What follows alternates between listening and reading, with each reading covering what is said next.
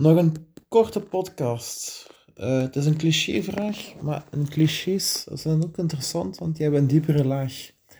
Wat is succes? Wat betekent succes voor jou? De meeste mensen zullen zeggen van iets bereiken, iets presteren. En oké, als je iets presteert, dat is toch een zekere prestatie, of daar moet je fier op zijn.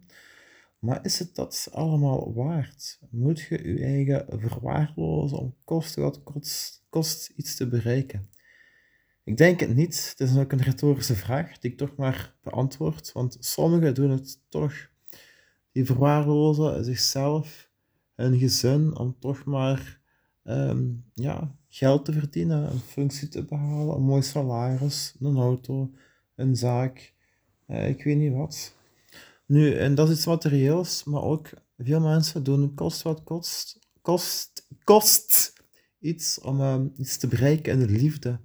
Um, ze, ze willen succes bij een vrouw of bij vrouwen of bij dames, puur omwille van het succes zelf.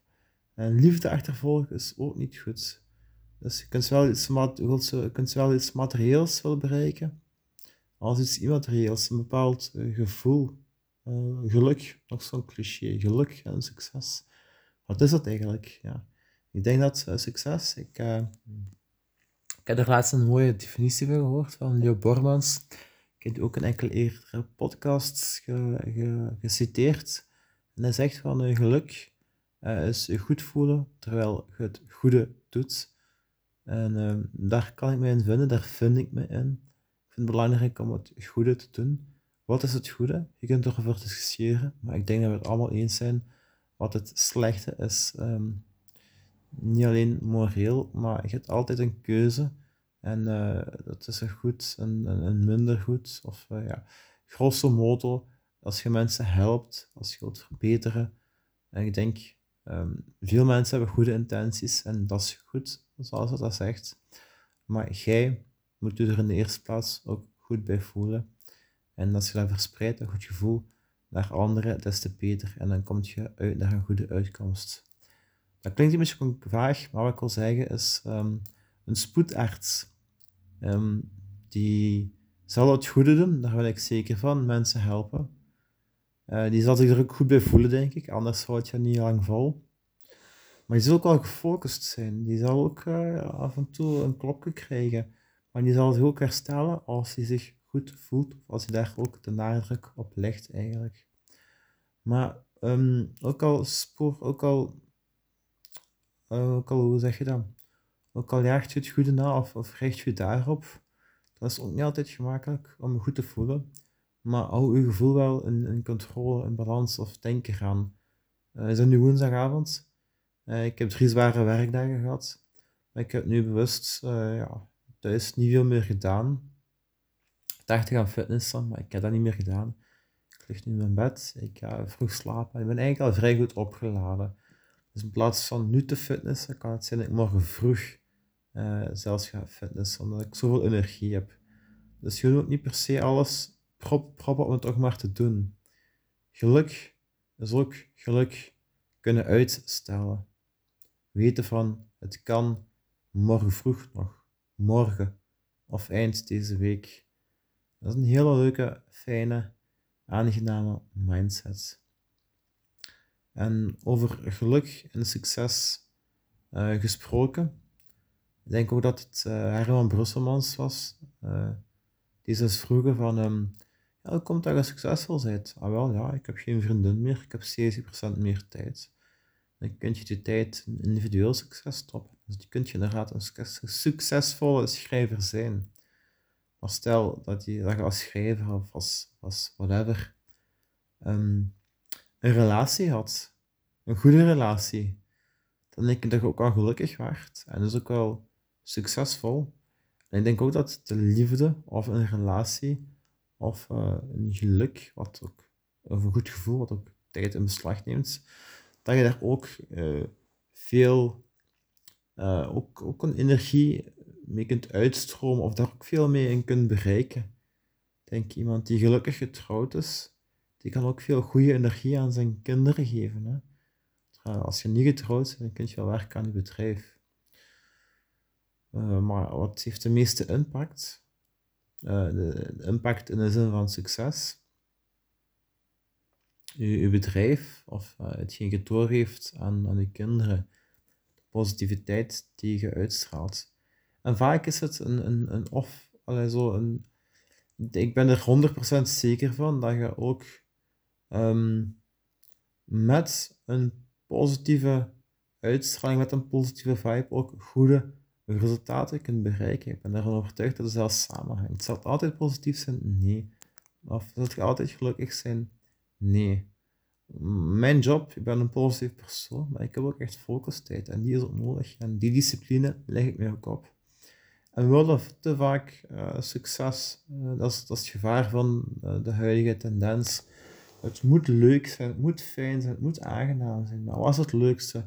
Een douche na een uur lopen of een douche als je al moe bent? Ik denk het eerste, ik ben er zeker van.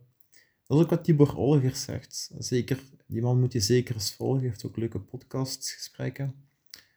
Um, en dat is ook wat Richard Let zegt succes en geluk zijn slechts een bijproduct. Doe wat je graag doet en, uh, en dan zal het volgen en dan komt het meestal goed.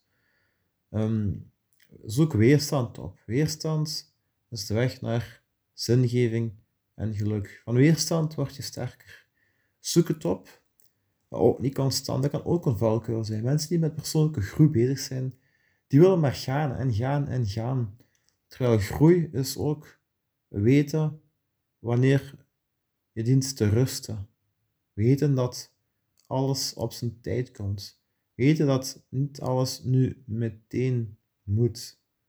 Er moet zelfs niks. Dat is het punt. Eens je het moeten loslaat, dan, eh, dan, dan, dan is er veel mogelijk.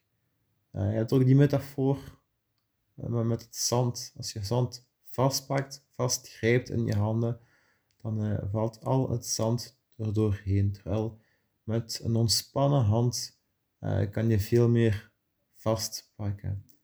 Als je loslaat, dan heb je beide handen vrij.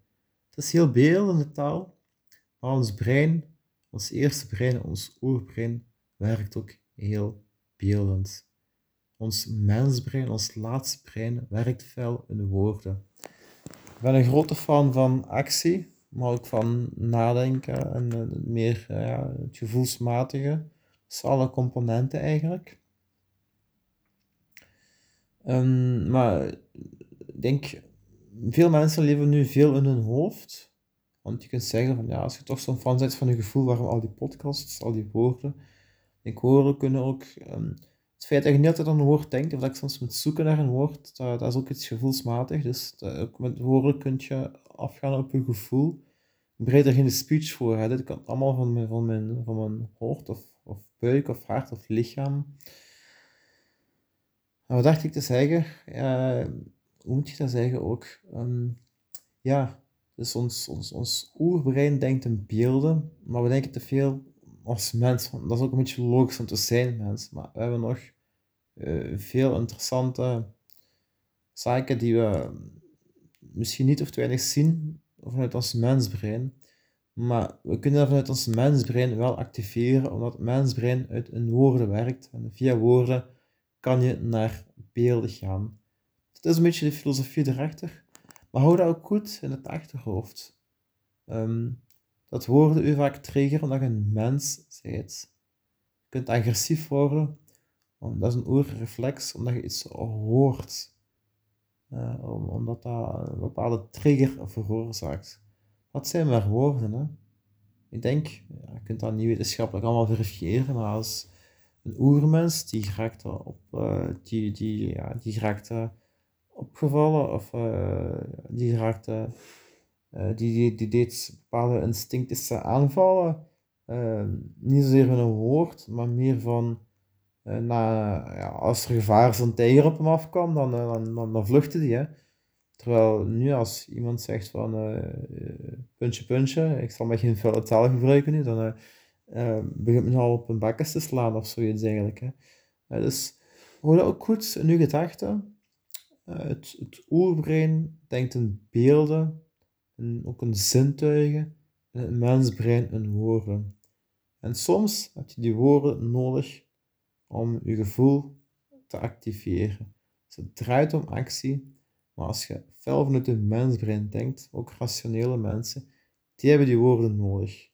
Dus alles heeft zijn functie. Of ja, deze podcast toch. En ik doe het ook graag, dat is het belangrijkste. Ik ben fijn dat ik nu met, met, met de zaken bezig word in plaats van onzin te bekijken. Dus uh, ik hoop dat je er iets aan gehad hebt. Maar ook al heb je er niks aan gehad, of ja, ik denk het wel, want je luistert toch uit. Ik, uh, ik, heb alleszins, ik heb alleszins geen energie verspild, integendeel. En je bent altijd de eerste luisteraar van wat je zegt. Negatieve mensen praten vaak negatief naar anderen toe, maar zijn zelf het grootste slachtoffer. De ontvanger, uh, de zender, is altijd de eerste ontvanger van zijn eigen boodschap. Dus zie dat je boodschap klopt. Praat positief, niet alleen tegen anderen, maar ook vooral voor jezelf. Ciao.